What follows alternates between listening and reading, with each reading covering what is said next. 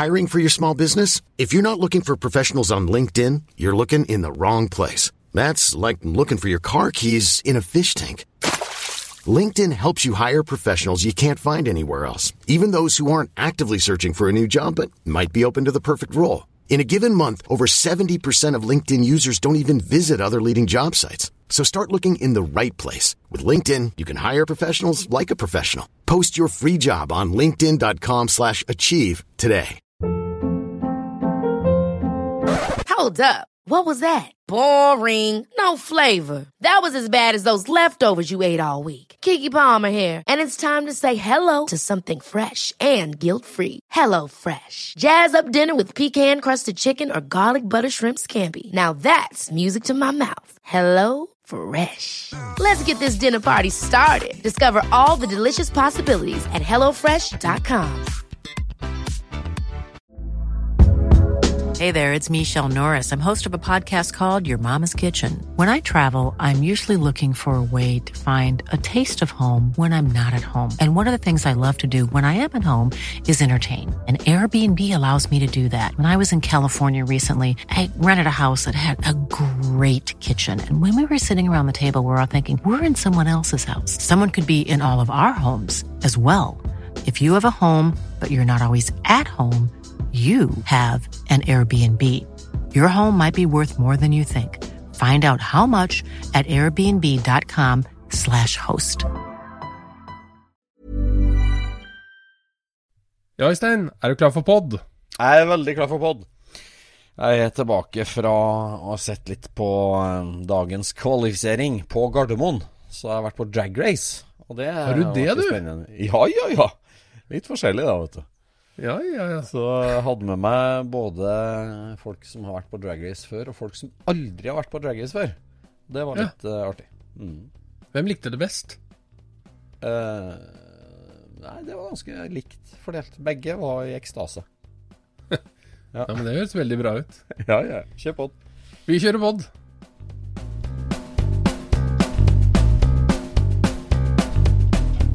Du lytter nå til Scootspodden, en norsk podkast om klassisk bil med Jon Roar og Øystein.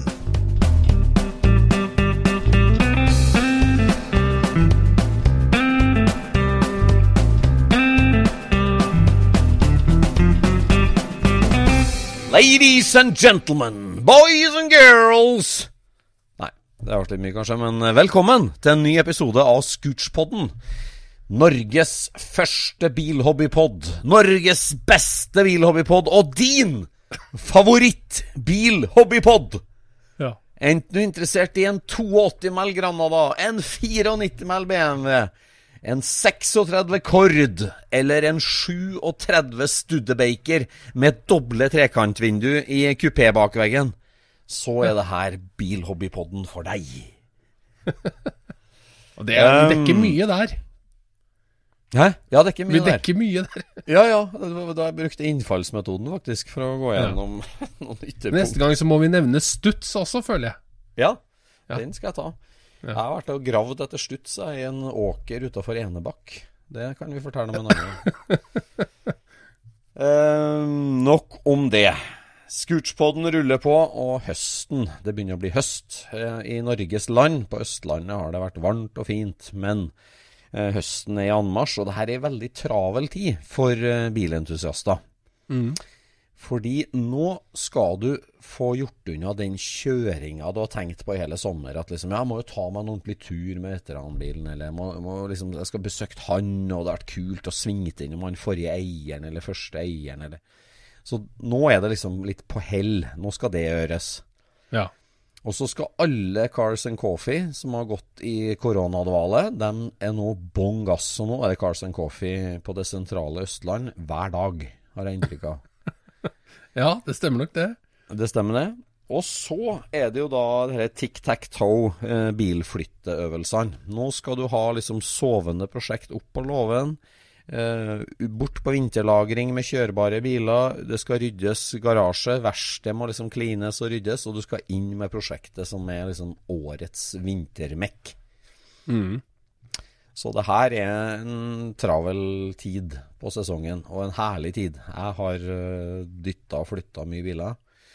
Uh, ja, og gleder meg stadig over det.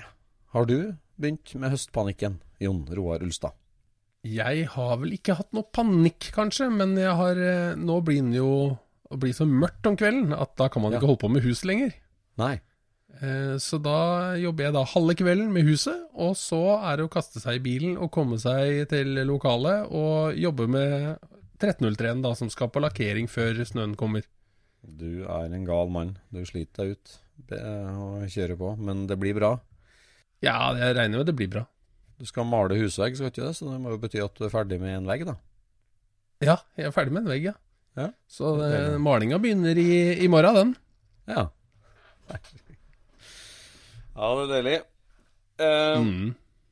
Det har vært veldig mange arrangement eh, siste, og vi har fått med oss litt. Uh, Tyrigrava kro uh, ruller jo på med Ja. Cars and Coffee-treff hver eneste kveld, og det er Jeg syns det er så hyggelig at uh, NVK, Norsk veteranvognklubb, og LMK, Landsrådet for motoristiske klubber, greier, greier å samarbeide og slå seg sammen. Og, ja, og KNA, ikke minst. KNA. Eh, greier å slå seg sammen, samarbeide, og har kjøpt det huset. Og greier å få til på en måte et, eh, en destinasjon. Et, et, eh, en møteplass, en arena som funker, liksom. Det, det, det virker er som folk har blitt helt hekta av det der.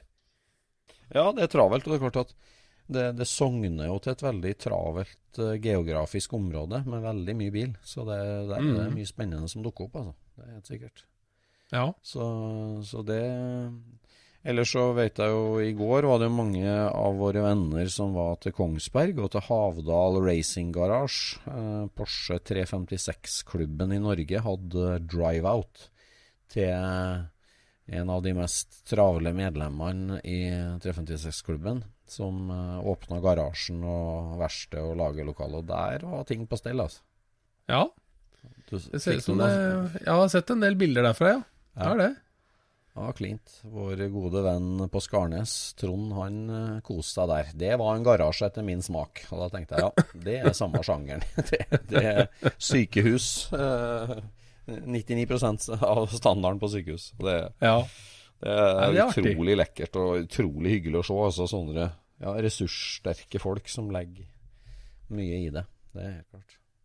Men det blir jo skrudd litt der òg, gjør det ikke det? Ja, der blir det skrudd.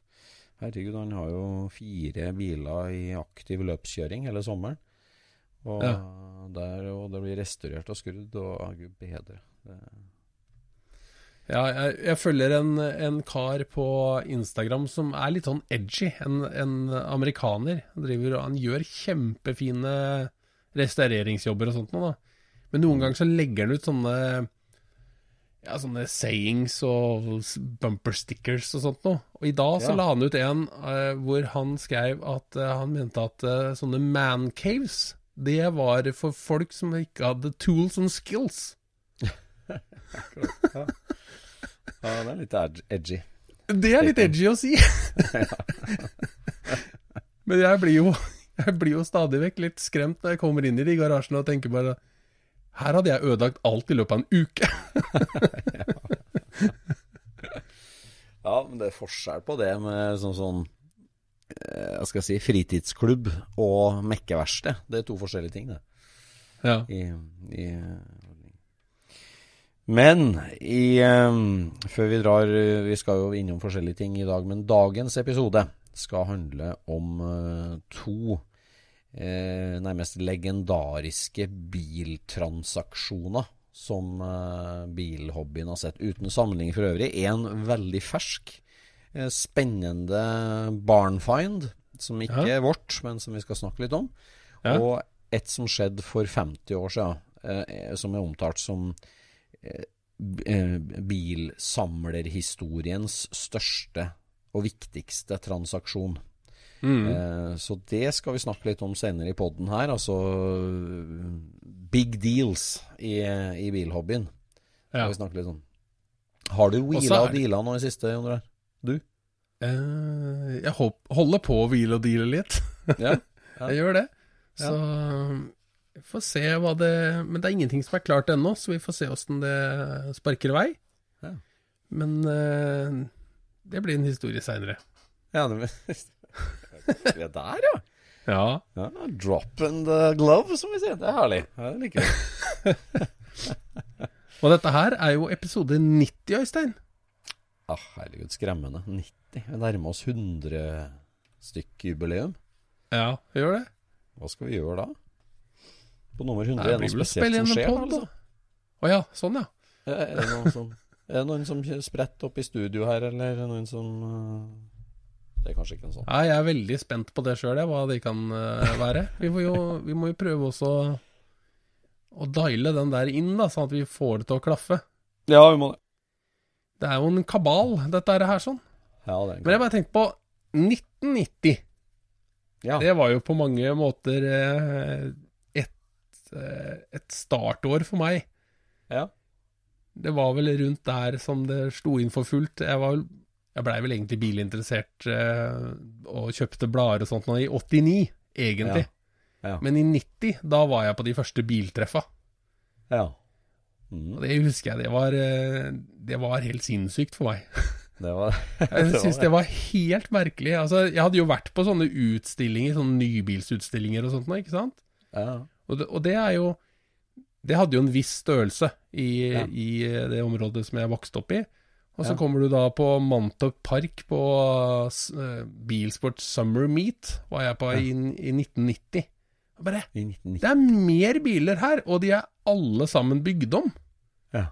Enn det er på de andre tingene jeg har vært på tidligere. Det syns jeg var skikkelig spesielt. Var det er en helt ny verden som jeg ikke har sett før? Ja, For meg så var det ikke et sånt veldig sånn defining moment, egentlig. Det, det var jo noe jeg liksom vokste opp med. Men uh, altså, i 1990, da var du 15 år, du. Hvordan kom du deg til Mantorp da? Kjørte jo sammen med mora og faren min, da. Gjorde du det? Ja ja, vi var på campingtur. Så bare Nei, vi prikker inn Mantorp. Yes. Ja, Så de kjørte deg dit, på en måte, og var med inn dem òg, da? Og gikk rundt, ja. Ja, ja. Og lillebroren min. Ja. det, er, det er kult. Kult på campingtur i Sverige. Ja, og da var vi også på Nede i Helsingborg, så var vi innom på Custom Speed Parts i Hyllinge. Nei. På campingturferie med Ja, på campingtur. og inne i den, eh, den godtebutikken der og kjøpte eh, senkefjærbein og, masse sånn småtteri, da.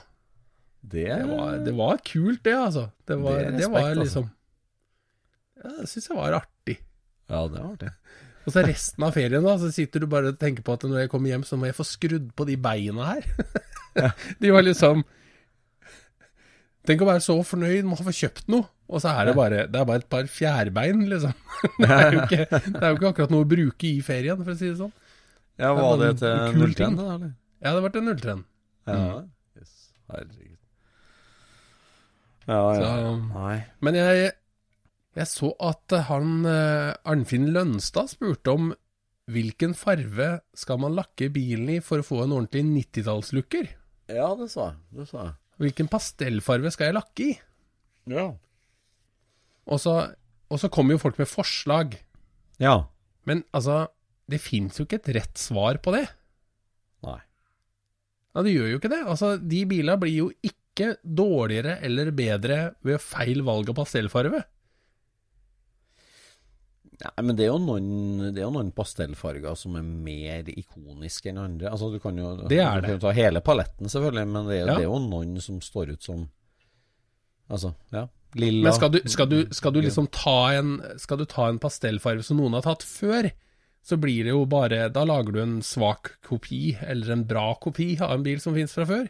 Ja, jo da. Tar du bare en ny pastellfarve og følger de triksa sånn som de gjorde den gangen, så, så blir jo bilen eh, period correct og eh, litt egen. Ja.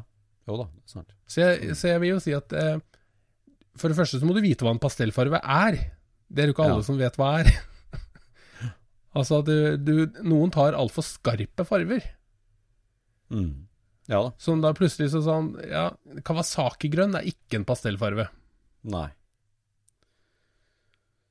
Men altså, vi, det ja, når, du, når, det, når du sier det sånn, så tenker jeg at du, du har jo noen Altså, de fleste fargene er kanskje tatt. Altså, jeg har en Jeg har en dus gul en i hodet, jeg har en lilla en, jeg har en grønn en, jeg har en lyseblå en. Jeg har en lilla en. Jeg har liksom eh, hele Fersken. pastellpaletten. Ja, fersken eh, i hodet. Så du, ja, du kan jo ta hva som helst, det er sant. Ja, du, kan, altså, du kan jo ta en, en, en tone som går i en eller annen eh, retning der, da. mm. Og så er det jo å følge de triksa som blei ble brukt da. At du lakker støtfangerne, eller ikke har dem, eller Mm. fjerner listene, eller lakker felgene i samme farve. Og ja, det, det er mange sånne ting som ble gjort da. For å få de til å være like, men fortsatt skille seg ut, da. For alle er jo hele tida ute etter å skille seg ut. Ja, det er jo det. det, er jo det. Så det der eh, drømmen om å bli lik, den er jo sånn Hvem er det som har den, egentlig? Ja. Nei, det er sant. Det er sant. Nei, det, det Ja, det, drømmen om å bli lik, det er jo dem som bygger eh, replikabiler, da, og, og etterligne en bil. Som, altså, California mange Kid, James liksom. Dean, Ja. eh, James Dean uh, Little Rascals finnes det? Nei, hva heter den? Nei, Little Bastard. Herregud. Ja. ja. Eller Siste natten med gjenget i Ja, ja, ja. Milliners Coop.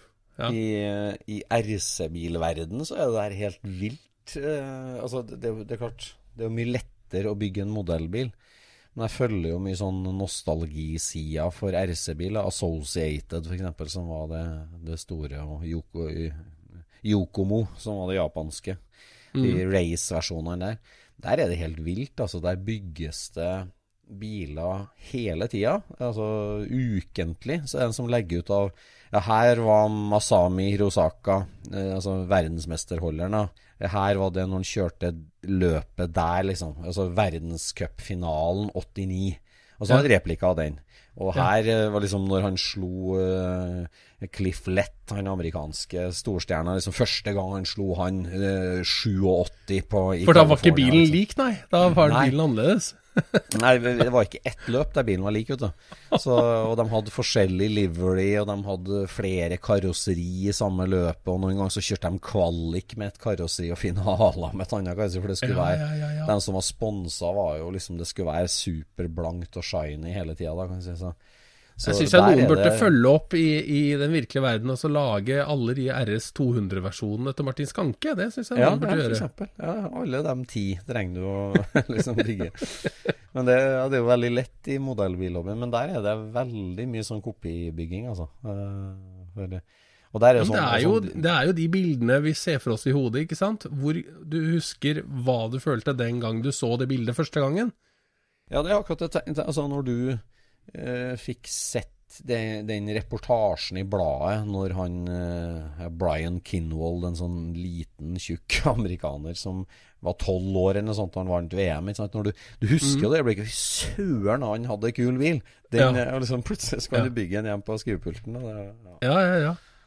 Så, Nei, og så kjøpte jo, kjøpte jo bøker og blader og alt det som var på den tida der sånn, og så bladde du gjennom det, og det var jo så det var, Altså, de bilene som var i trafikk inni disse bøkene, var jo så utrolig kult!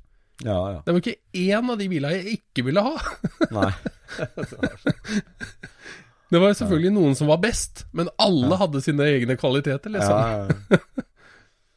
Så du det var utrolig fascinert av det der, altså, det med ombygd bil, altså. Det, det, det, det Ja, slår ja, meg ja. hele tida at liksom du, du har den derre båsen med Ja, men så greia var det at jeg har jo vært, har jo vært bilinteressert siden før jeg kunne prate.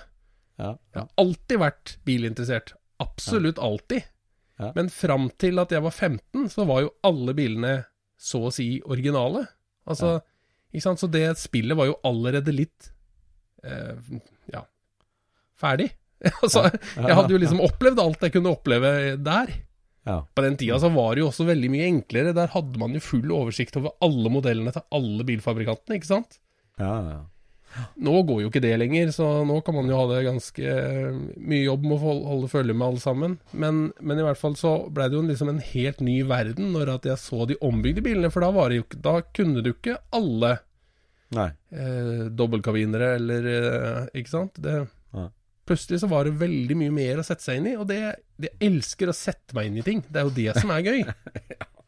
Ja, men det er felles. For det er for oss uh, original vintage-fanatikere, så er det der å sette seg inn i.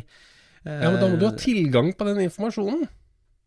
Ja, ja. ja. Men altså, det å, det å snuble over et nytt felt som du kjenner at liksom, det her kan ikke jeg noe om, og det her er ja. veldig interessant, det, det ja. er sårt. Jeg, Altså, jeg er jo helt havna i traktorsuppa da nå. Og det er jo akkurat sånn. Du, ja. du bare liksom snubla over Jeg fikk jo tips av en veldig god traktorkamerat eh, som sa at her er ur-Porsche-traktoren. Den her må du få kjøpt. Og da lå det altså et skogsvrak. Det ramla et tre over den traktoren som sto borti Førde. Det her har jeg kanskje snakka om på poden før? Har jeg? Nei, det har du ikke. Har ikke hørt det? Nei. Nei. Uh, oi, oi, oi, lang historie. Men uh, ja, i hvert fall så uh, Her er ur-Porschen. Og så tenkte jeg yes, ja, det må jeg hive meg på. Og før den var kommet hjem hit da med transportfirma, så er det liksom Jeg har jo alltid hatt et forhold til Porsche-traktor, for å si det sånn. For det, det, har du alltid hatt som bilentusiast. Og sånn, ja, Porsche lagde traktorer, og alle dem var Først var de oransje, og så var de røde, og alle var runde i fronten. Mm. Det der har liksom alltid vært i hjørnet på mange samlinger. Men så er det da den den aller første Porsche-traktoren, altså Ferdinand Porsche, hadde jo denne visjonen om at den skulle gi teknologi til folket. Volkswagen til uh, folket, og Folks traktor til enkle bønder. En, en, lett, liten traktor som alle skulle ha råd til for å dyrke opp uh, landjorda. Og denne Folkstraktoren konstruerte den jo under krigen. Uh, flere varianter av. Og i 748 så konstruerte han Porsche type 313. Eh, som, som, altså rett før type 356, som ble sportsbilen, så lagde mm. de 313, som var uh, hans endelige utgave av folk, Folkstraktoren. Mm. Og den uh, hadde han på tegnerbrettet, uh, og den Helt spesiell. masse deler fra Porsche 356-en helaluminiums traktorkropp. Altså hele bakakslingen, hele, he, hele kroppen er alu. Tosylindere, tosylindere, luftavkjørt diesel. Og med et panser som er veldig likt eh, folkevogn boblepanseret, pressa sånne lunger i, men ganske firkanta i fronten. Ikke sånn rund som de vanlige Porsche-traktorene. Nei. Og denne traktoren øh, ville han sette i produksjon, men han var opptatt med Gmund-Porsche-bygging og avtalen med Reuter i Stuttgart og sånn, så han var, gikk og banka på en del dører, rett og slett. Og en av de dørene han banka på, det var verktøyprodusenten Allgaier, Ervin Allgaier, sin fabrikk utafor Stuttgart. Og de ble enige om en deal der eh, Allgaier skulle sette Porsche type 313 eh, i produksjon. Eh, helt uendra rett fra Porsches designbord, og det var Porsche sin traktor. Og da eh, lanserte de den i 1950 eh, og kalte den for AP17. Allgaier Porsche 17 hestekrefter. AP17. Ja. Eh, og den ble lansert da i 50. Og de lagde 5000 stykker i 50 og 51. Og så sa Algeier at liksom Nå har vi lært hvordan vi konstruerer traktor. Nå skal vi lage neste versjon og neste versjon. Og da tok de ideen til Porsche og raffinerte det, og kom med den herre runde fronten på Porsche-traktoren. Mm. Og, og konstruert mange. Da ble det støpejern i hele kroppen, og han ble tyngre og, og utvikla. Men denne AP17, da, folketraktoren, det er jo ur-Porschen. Det er Gmund-porsen i traktorverden, det der. eh, ja. Med helalu, og så enkel og så perfekt, sånn som bare Porsche kan gjøre det, kan du si. Det er så smekkert og enkelt tenkt at jeg bare elsker det. Ja. Og de her AP17-traktorene de kom det 20 stykker av til Norge. Eh, det finnes et veldig artig klipp fra Filmavisen fra Oslo kai i eh, havna i Oslo i eh, vårparten 51, der det står der de sier da Den nye folketraktoren har kommet til landet. Den er konstruert av samme mann bak sportsvognen Porsche. 20 eh, eksemplar sjekkes her grundig av sakkyndige før de skal leveres til bønder i grisgrendte strøk. Eller så sier han da på Filmavisen. Ja. Så de filma de her 20, da. Og det, det der er en sjelden traktor i, på verdensbasis, og sjelden i Norge, da. Og, så jeg var henrykt over å få tak i denne vraket fra Førde, si. Men når blei du henrykt? Blei det når han fortalte at den var sjelden, eller? Nei, altså han selgeren hadde jo ikke peiling på det. Han selgeren han var jo Eller hadde ikke peiling, han visste det var en sjelden traktor. Han, han hadde en, ei skrottomt, kan du si, i, eh, i Førde, og hadde fått pålegg fra kommunen om å rydde opp. Så det var en venn av han som hadde tatt noen bilder av forskjellige traktorvrak og noen gravemaskiner og sånt og lagt ut. Ja. Så, um, så jeg ringte over tvert jeg, på det var altså han traktorkompisen min som tipsa meg om de bildene. Altså sånn at her er det en sånn AP17, Det her må du hive Ja. på. Ja. Og han forlangte en pris som Altså, traktorpriser er helt annerledes, vet du. Du får en eh, eh, Du får en eh, åh, Nå datt jeg av. Traktorpriser er liksom helt annerledes enn det vi er vant med på bilpriser. Du får, en, Ja. du får jo en kjempefin gråtass for 10 000, ikke sant? En Ja. kjørbar fullt uh, turnkey. Og et restaureringsobjekt skal ikke koste mer enn 3000 liksom, i traktorverden. Nei, ikke sant? Så, så han Førde-karen hadde gjort litt research, så han forlangt 6000 for den, og så betalte jeg 6000. Det, 6000 jeg forlangt 6000. for en Gmund-traktor! ja. Altså, det, det, den hadde jo stått i havgapet lenge, og det ramla et tre over den, så han var ganske knøvla, altså. Men er den eh, knekt, da, eller? Nei, nei, bare det herlige folkevognpanseret som er ganske krepert midt på. Ja. Eh, og- ja, og Men var det sånn at det, det ikke var trepunkt og kraftuttak, eller var det bare kraftuttak, eller hva var det? Nei, de kom i tre versjoner. Eh, det, noen har hydraulikk, vanlige hydraulikkhandler. Eh, Ja. Noen har bare ei, ei 90 graders vinkel reimhjul. Altså de Ja. har en kloss med et uh, reimhjul på.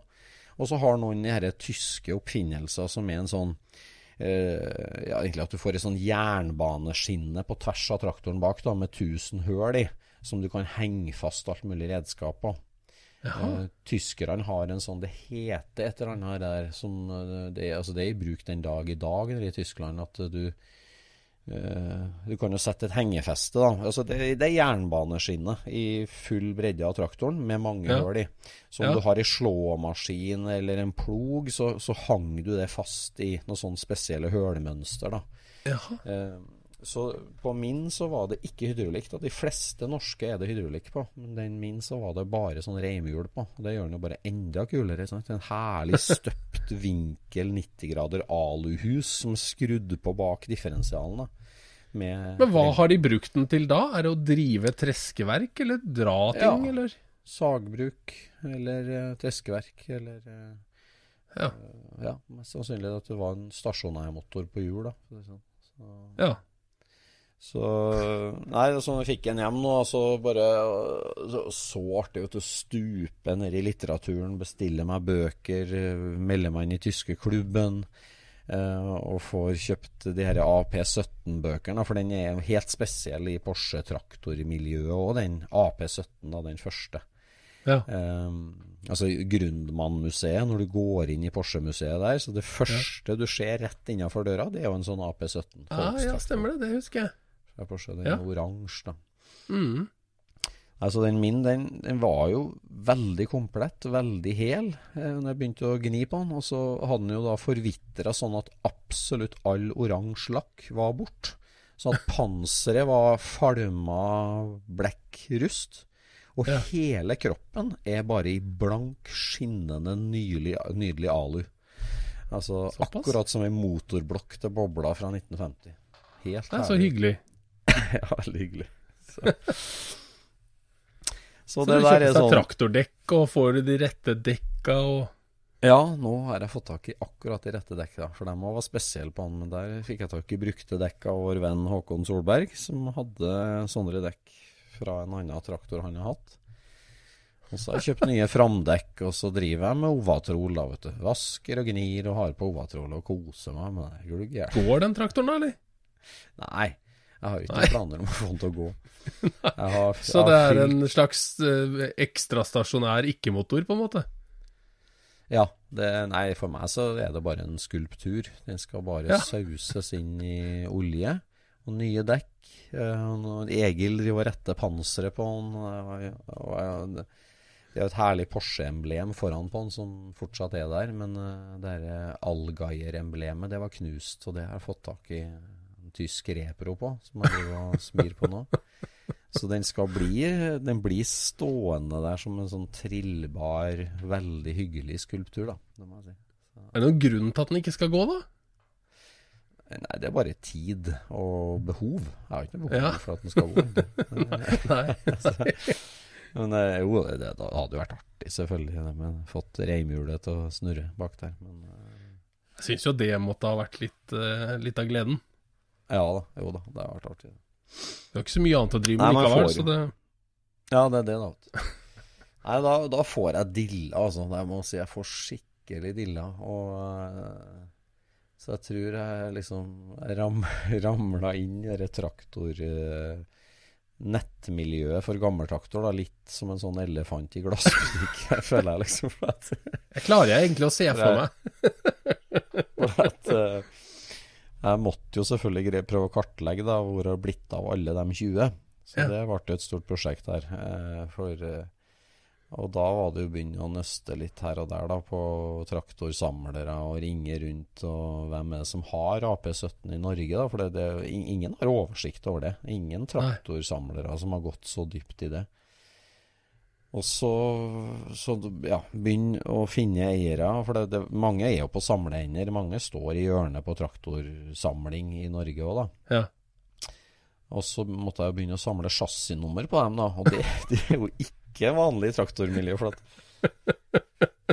for at traktor traktorhobbyen er jo ikke basert på Det er jo ikke basert på registrering. altså Det er jo ikke noe salgsmelding og skilt på traktorer, altså gammeltraktorer. Det, det var jo det, men Så, så chassisnummer det, det, det, det, var ingen eh, av de som eide AP17, som visste hvor chassisnummeret satt den, f.eks. på traktoren. Så det måtte jeg lære dem. Altså, når jeg samla inn chassisnummeret.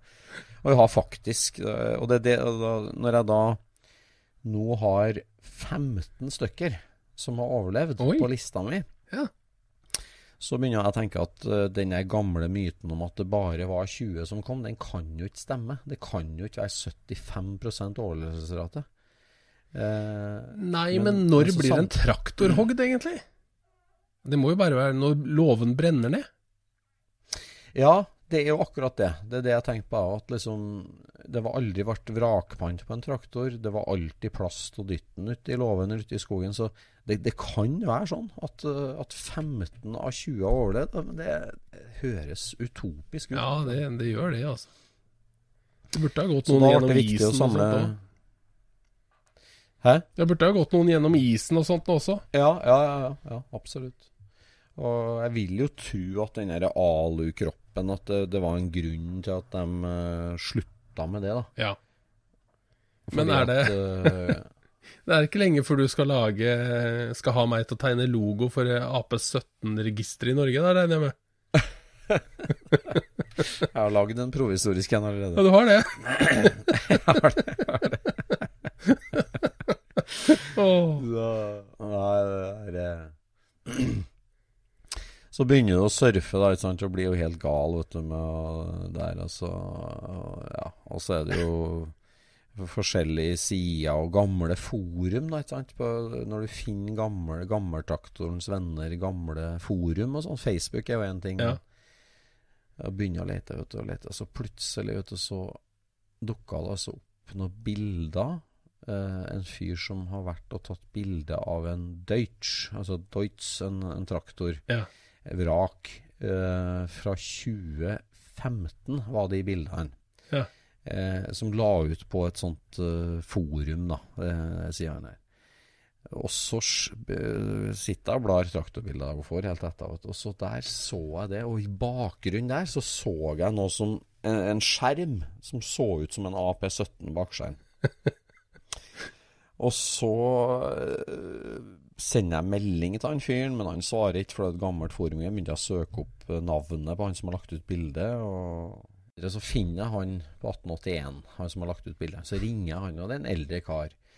Uh, ja, det var en skrotplass som var Men det var en kompis av han som hadde sendt en bilde. Han så han visste ikke helt hvor det var hen. Men det der var lenge siden. Jeg tror det der er rydda nå, sier han. Ja, vet du hvor det var? Nei, jeg visste ikke hvor det var. Men kompisen kanskje visste det. Og så fikk jeg nummeret til kompisen, så ringer jeg til han. Ja, det der var jo sånn ødetomt uh, i skogen mellom Elverum og Trysil, sier han. Men uh, jeg vet ikke helt hvor det var. Det var noen grusveier opp til høyre når du kommer fra Trysil, liksom, sier han da. Ja, var det et høggeri, eller? Nei, det der er en gammel gubbe som har dødd, som samla masse skrot, og det bare står igjen det der, der liksom på ei tomt. Det står masse greier der, noen lastebiler og greier, sier han. Ja vel, men står det der fortsatt Nei, kommunen skulle rydde der, så jeg tror det er borte, liksom, sier han. Ja. Ja, da bare kaste seg på satellittbildene ikke sant? med Google Earth og Finn eh, og Se eiendom, de tre databasene.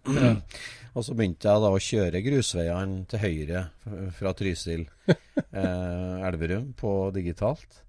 Og så finner jeg vet du, et eh, som liksom stemmer. da Du ser her er det mye skrot. Her er det Her er det ikke Gårdsveien er ikke i bruk. Det, det ser ut For det var liksom at huset hadde brent ned sa han, han fyren, at huset har brent ned der, så det er bare skrotet som står igjen. Og smekk på Google Earth, der var han, vet du. Jeg så det her må være den tomta. Ja. Og så ja, og så ringer jeg da vår gode venn i det området. Vi går gjennom kartoteket. Gunnar Lia, ja. som er jo fra området der. Og han, vet du Ja, det der vet jeg, men jeg har aldri vært der. Eh, sånn, så, jeg forklarte litt hvordan Ja, det der er jo tomta sånn og sånn. Det der, og ja, jeg jeg skal finne ut av det, liksom. Og så begynte jeg å surfe videre, så fant jeg noen, noen avisartikler da, fra ja, hva heter lokalavisa på Elverum? Eh, Østerdølingen, eller? Nei, Østlendingen, kanskje? Nei, jeg husker ikke. Men uh, det er at kommunen er ute og sier at det her er et dødsbo. Glåmdølingen, er ikke det? det er sånt? Ja, det er kanskje. Nei, ja. I hvert fall, da.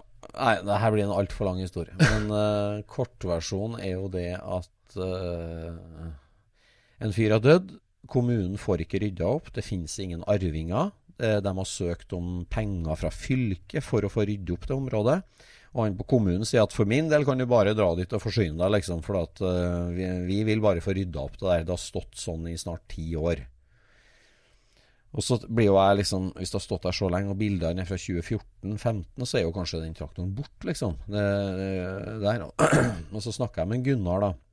Sier nei, nå ble jeg skikkelig nysgjerrig, og jeg reiser rett bort dit. Så plutselig så ringer han meg på FaceTime og går rundt og, og filmer med FaceTime. Og jeg prøver å forklare hva han skal se etter. da, Jo, skjermene er sånn og sånn. Og, så. og han holder på i 20 minutter og går rundt der og filmer gamle busser og traktorer og greier. Og smekk, vet du, der var de bakskjermene som jeg så stakk opp. Ja. Og han går bort og filmer, og der er motoren, og der er forstillinga, og der er setet, og der er setet. Alt var der. Den var demontert inni et verksted som hadde rasa ned over den. Oh. Og der sto en til av de AP17-ene. En komplett en. og jeg ble jo helt vill. Det her må jeg finne ut av. Og så han Gunnar da, han tok jo da en liten runde til naboen og lurte på hvem er det som hatt det der. Hvordan, hvordan henger det sammen der? Og Så får han litt storyen på han gamle karen, og at uh, han hadde ikke noe barn, hadde ikke arving, han var uglesett i bygda, han ble tvangsflytta på gamlehjem og døde der, litt trist. Og så sier han men han var onkel til to guttunger, han der typen der. Ja. Og så begynte jeg å nøste litt på navnet hans og dødsannonser, og leita der og fant dødsannonsen, og der står det jo 'pårørende', ikke sant? og der var det et damenavn. Uh -huh. Eh, så fant jeg hun dama. Hun bor på Løten. Så ringer jeg til hun. Jo, det jeg eh, Min bror var hans bror Nei, min, min, mann var hans bror. Og begge dem er døde nå. Men eh, Jeg vet det står der, men vi har ikke noe med det, og sånn, og bla, bla, bla. Og så fikk jeg da snakke med hennes sønn. Og lang historie kort, ble jeg enig med han at vi møttes oppe på tomta, og vi gikk og kikka på det. Så på søndagen, min kjære venn, så var jeg og våre to gode venner Gunnar Lia og Rune Vea på ordentlig sånn skrottur. Det var så koselig, og det var så hyggelig. Å brøyte seg vei innover den tomta der. Fem mål med skrot. Eh, men altså, det, det, er strengt bevokta, for så vidt. Og de følger med og, og vei, har vet veldig godt hva som er der. Så det var veldig fint å ha med seg han arvingen når vi gikk rundt, og han pekte og forklarte. Og, og der sto han, da. AP17 nummer ja, 12764 var chassisnummeret på det. eh, Så hadde jeg booka inn med en eh, nabovenn av en Gunnar igjen. da Og Han var jo uvurderlig hjelp, han Gunnar, i å nøste opp i naboskapet der. Og så kom det en diger masse i Ferguson med lasteapparat, og vi løfta det her gullet ut av skogen. Og traktorgubben rista på hodet, og for så vidt han arvingen òg mente at det her var jo bare skrot. Men jeg betalte cash in hand og fikk med meg så nå har jeg 20% Nei, nå har jeg 10% av det vi tror kom til Norge. Ja. Og så er det jo gode, gamle Øystein Sunde-låta, ikke sant? At liksom Eller når jeg får hjem den her, da, som jeg tenkte skulle være deletraktor min, da, for at jeg ja. mangla jo litt Jeg mangla en bakskjerm, jeg mangla et dashbord, jeg mangla litt småtteri, da. Men så er den jo egentlig altfor bra. vet du. Ja, ja, ja. Traktoren er jo helt komplett, og jeg kan jo ikke hogge den. Det er jo, altså, det, ingen av de der 15 igjen, ingen av dem kan jo slaktes ned og hogges hvis det liksom er en traktor. Jo du må jo finne en med knekt ramme, som kan være deletraktor. Ja, jeg må finne en der det er bare en bakskjerm og et dashbord som er igjen, tror jeg. Da, da kan jeg tørre. Nei, det der Du Det får dilla, vet du. Herregud. Jeg blir så, blir så gira. Så nå får jeg besøk av min første nye traktorvenn på, på onsdag. Så har jeg inn, blitt godt kjent nå med en veldig trivelig kar som har en AP17, og som er veldig interessert i AP17. Så nå skal vi nerde litt sammen her. veldig bra. Ja, ja. Nei, sånn er det. Ja.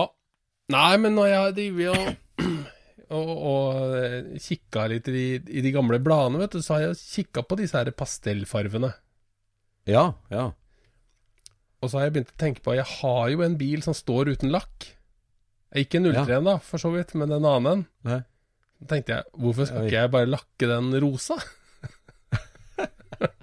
det Der, ja. Hvilken bil snakker vi om nå? Jordebilen? Ja, den svarte. Nei, slutt opp! Den kan ikke lakke rosa? kan jeg vel? Å, oh, herregud. Ja vel. Black motherfucker, som vi kalte den i gamle dager. Ja, det var vel noen av oss som kalte den det, kanskje. ja, det var kanskje noen. Nei, men altså, det, hadde, det, hadde, jo vært uh, gøy, da. Altså, det er for lite ja. sånt.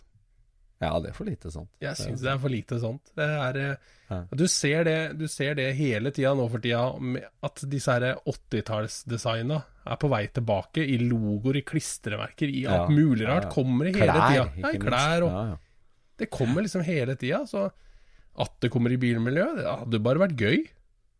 Ja, det hadde jo det. Det fins nok av svarte bobler, altså. Det gjør det. ja, men altså, det er jo det er jo den bilen. Det er jo det er ikke bare i svart boble. Det er jo your en, ja, For meg så er det nesten litt sånn your defining car, for å si det sånn. Eller?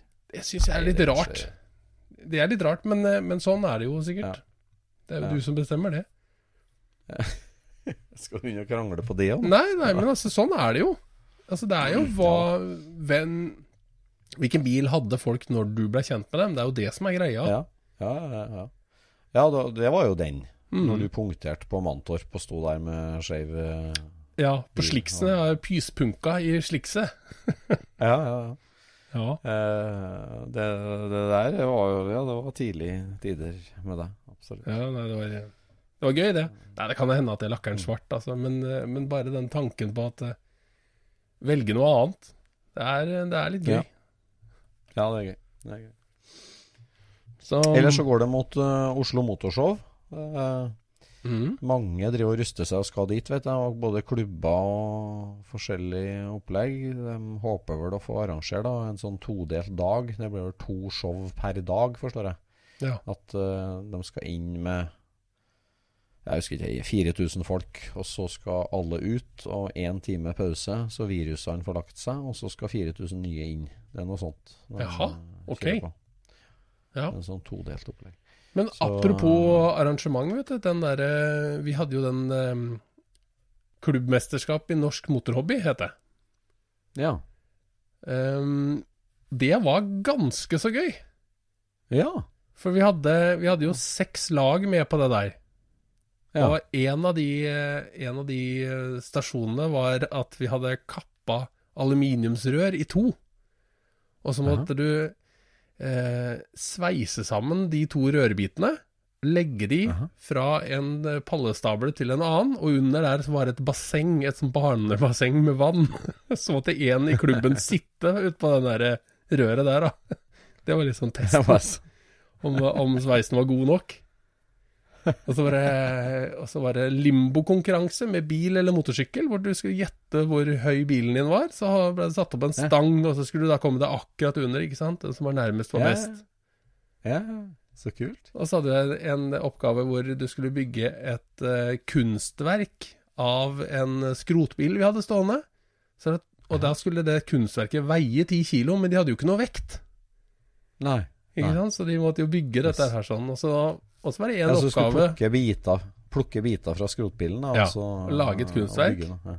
ja. Og så blei det da skulle Blei det veid etterpå, da. Og så var det en oppgave hvor du skulle bruke krymp og strekk og sikkemaskin for å, lage hjulbuer til en transporter.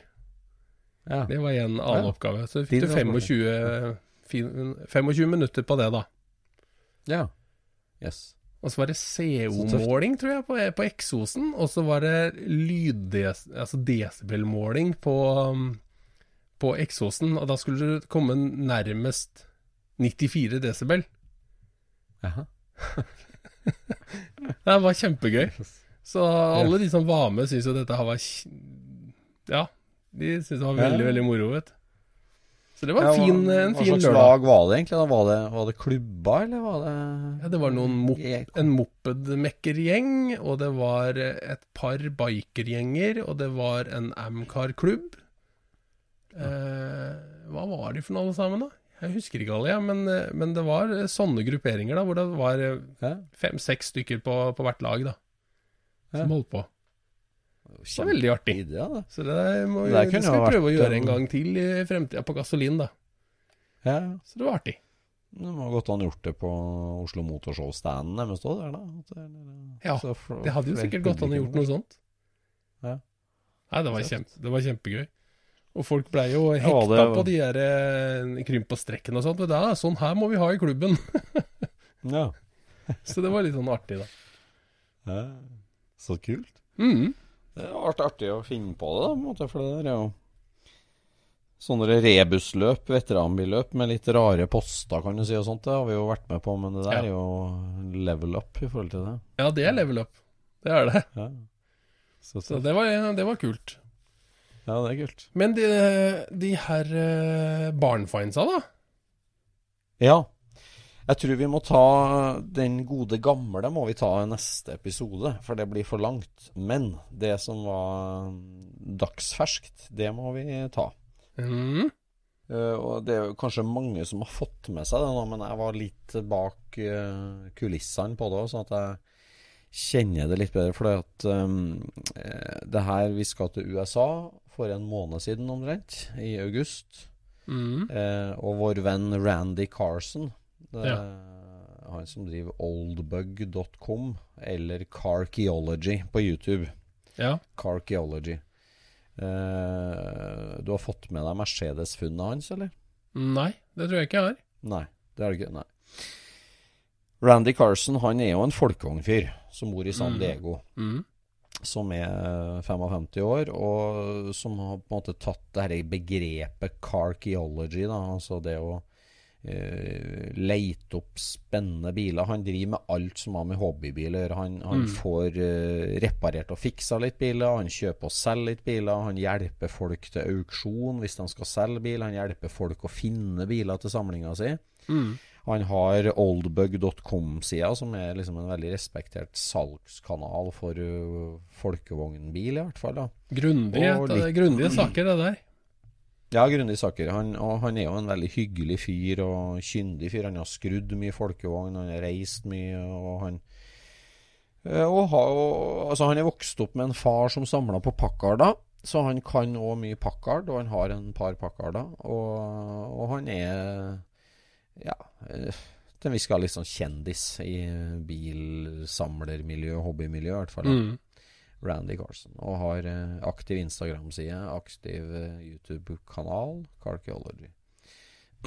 og Randy Carson, han har eh, hatt uh, en par rommatcher. Han har hatt to Lawrence uh, Rommerts-modeller. Den ene solgte han til Folkevognmuseet, så den står i Wolfsburg.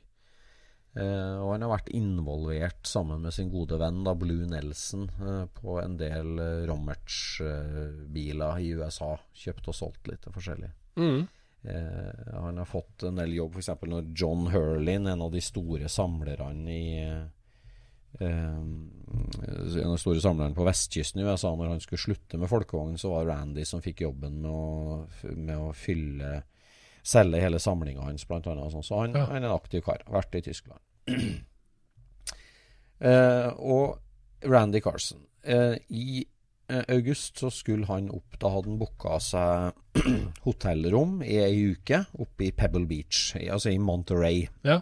Eh, når Pebble Beach, eh, Concorde Elegance, altså det ypperste av de ypperste i bilverden, går av stabelen i august i, oppe i San Francisco-området.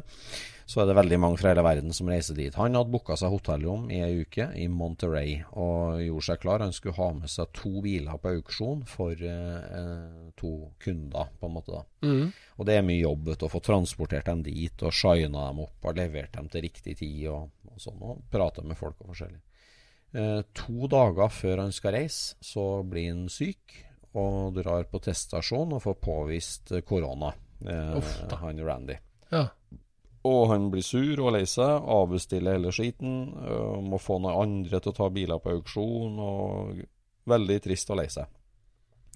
Han blir eh, ganske dårlig en par dager, men så blir han bedre igjen. og blir liggende på sofaen og flikke surt gjennom bilder fra Monterey Car Week, da, der folk er og Og så er han da inn på en del Packard-sider på Facebook, mm. eh, der han følger med på Packard-ting.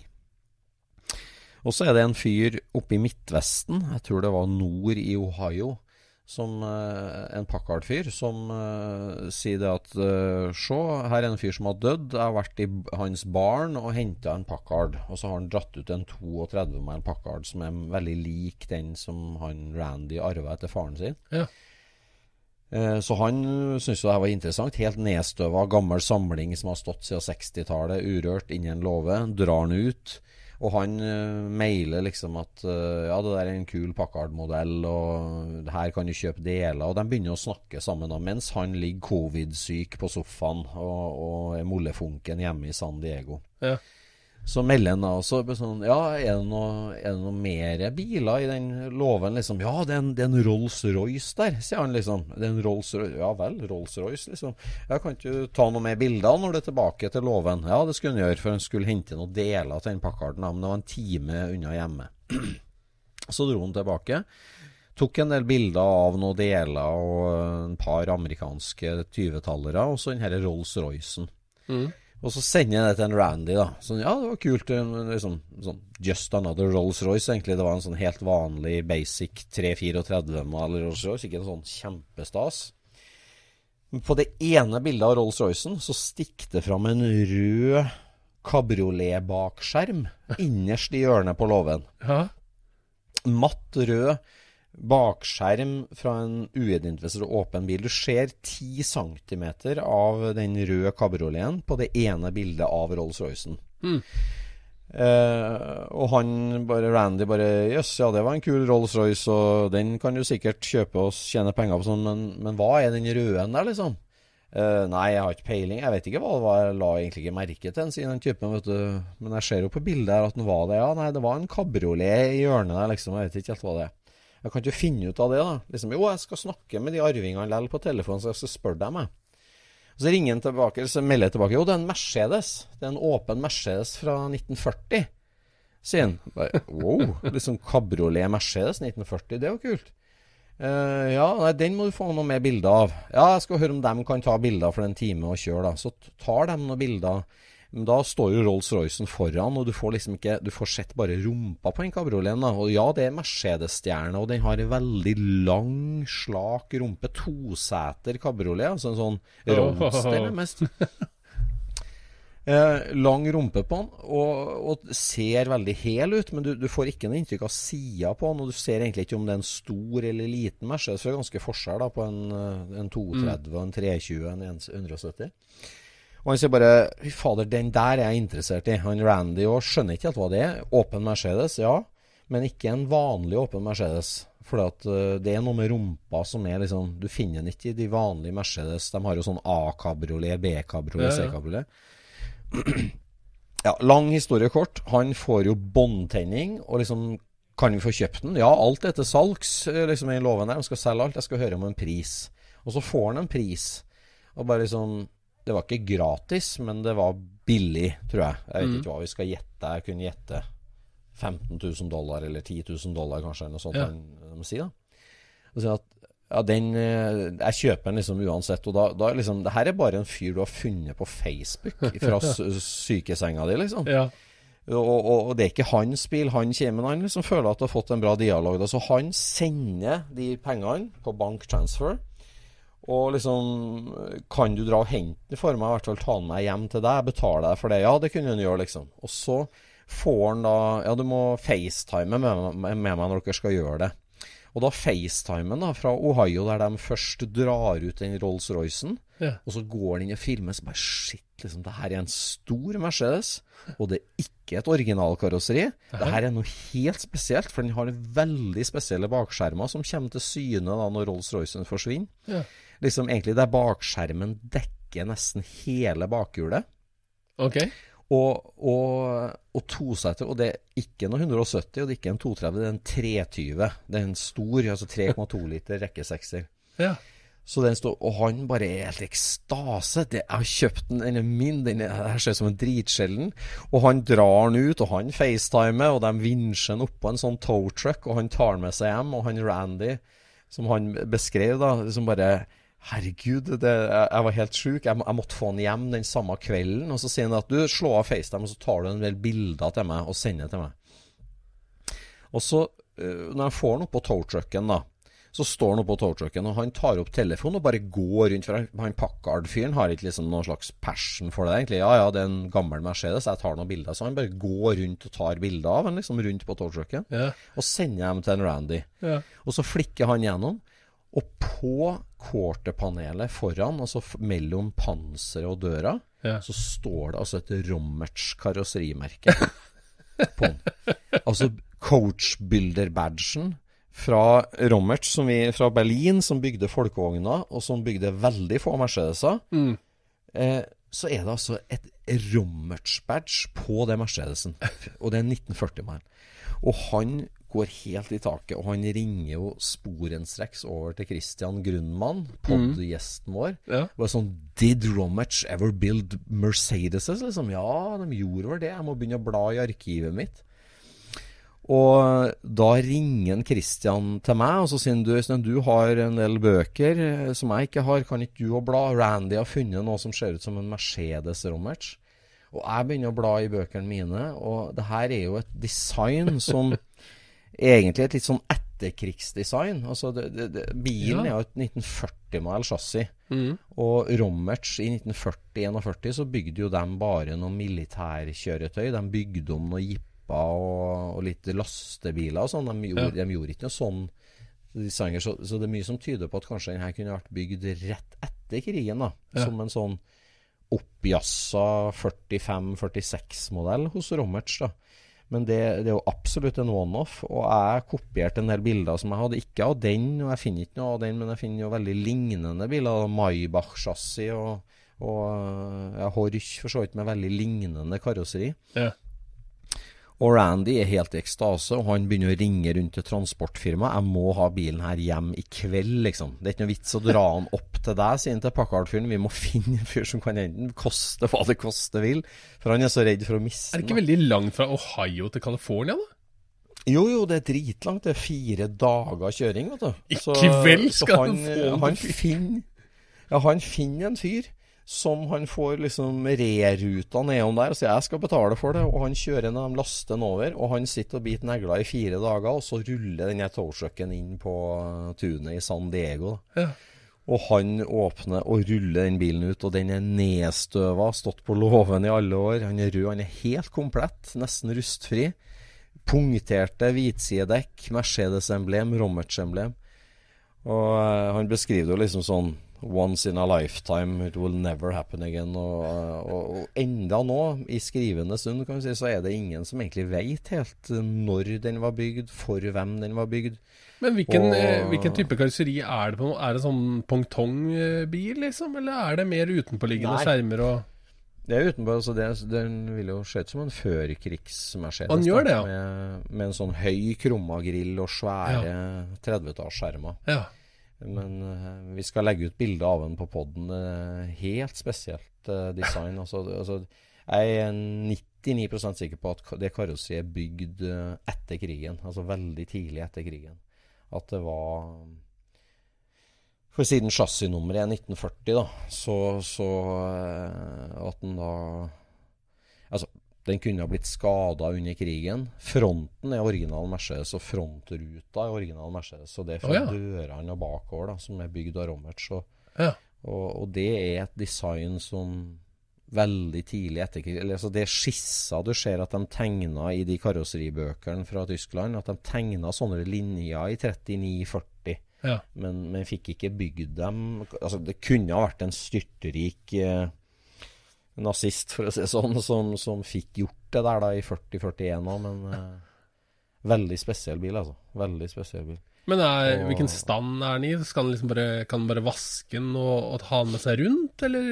Ja, han kan jo Det er det han tenker. Han, eh, han skal ikke vaske den. Han skal Nei, okay. Han, skal, han mangla noen emblem og noen lykter og litt småtteri, og han har tenkt å dra den med seg rundt uh, som et barnfind. Som et Ja, sånt ja. helt komplett barnfind. Så kult. Det er jo en del treverk i den bilen, og det er vel litt råttent. av Gulvplata er treverk og sånt, så det er litt lurvete sånn, men, men veldig hel og fin bil, altså. Skikkelig. Så, Det er et ålreit eh, barnefind. et- Ja, det var et sånt mini-jordskjelv i, i tysk karosseribyggerkunstverden, i hvert fall. Så det er jo en egen klasse på Pebble Beach sant, som heter Preservation Class. Ja. Men eh, der må også bilene være kjørbare, da. Så Så rart. eh, det, eh, det å melte litt men liksom, at du må jo bruke den bilen der til å pushe fram en sånn ekte barnefine-klasse på Pebble Ja. Beach òg. Altså, hvis det er en bil som skal kunne sprenge litt i grensene, så må det være en sånn en. Ja. å dra den inn på punkterte hjul må være greit, liksom, når det er en sånn. Så Nei, det er helt, helt vilt. Det var litt av en historie, det der, da. Ja, det, så vi skal legge ut bilder av det og det, han har lagd en litt artig video som du finner på Carkeology på YouTube da, om, om det der. Så han Randy, han, han er jo over the moon, men han det, han er jo han er jo en bruktbilselger. Altså han, han, han lever jo av det. Han lever jo av å Ja. selge bil og holde på, så, så den blir vel til salgs antagelig. Men det er klart at den neste salget av den bilen, da blir den ikke billig. det sånn. Så, for det der er en sjelden sak. Ja, det er Nei, lurt det er å ha øya litt med seg. Ja, det, og det, det var det, altså. Det der er å sitte og flikke gjennom bilder på, på Facebook. Eller klart, det, det starta med Packarden. Men eh, sånn kan det gå, altså. Ja. Så, Men tenk deg hvor ofte det der egentlig skjer. At, at, eh, at en som er interessert i én ting, ser egentlig noe som er dødssjelden i en annen sjanger, men skjønner Mm. ikke hva det er, og går bare videre. mm.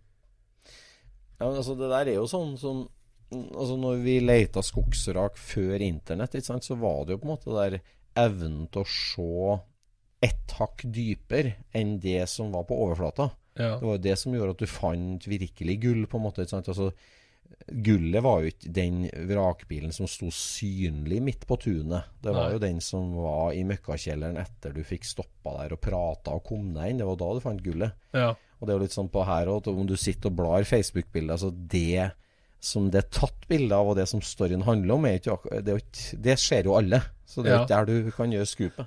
Nei, det er sant, det. Så Ja da. Nei, nå ble det lange historier her, Jon Roar. Men, Ja, men det- sånn er det nå.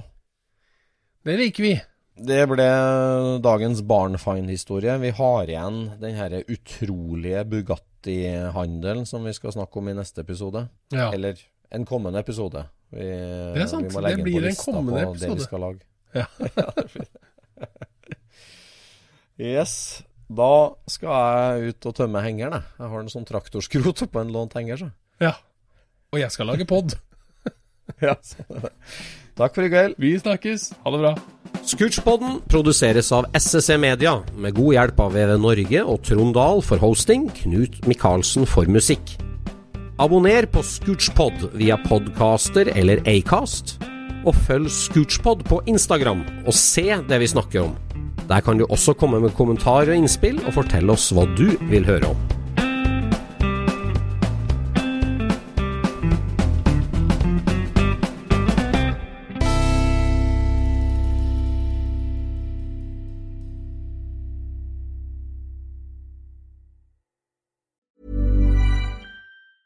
Ever catch yourself eating the same flavorless dinner three days in a row? Dreaming of something better? Well, HelloFresh is your guilt-free dream come true, baby. It's me, Kiki Palmer. Let's wake up those taste buds with hot, juicy pecan-crusted chicken or garlic butter shrimp scampi. Mm. Hello Fresh. Stop dreaming of all the delicious possibilities and dig in at HelloFresh.com. Let's get this dinner party started.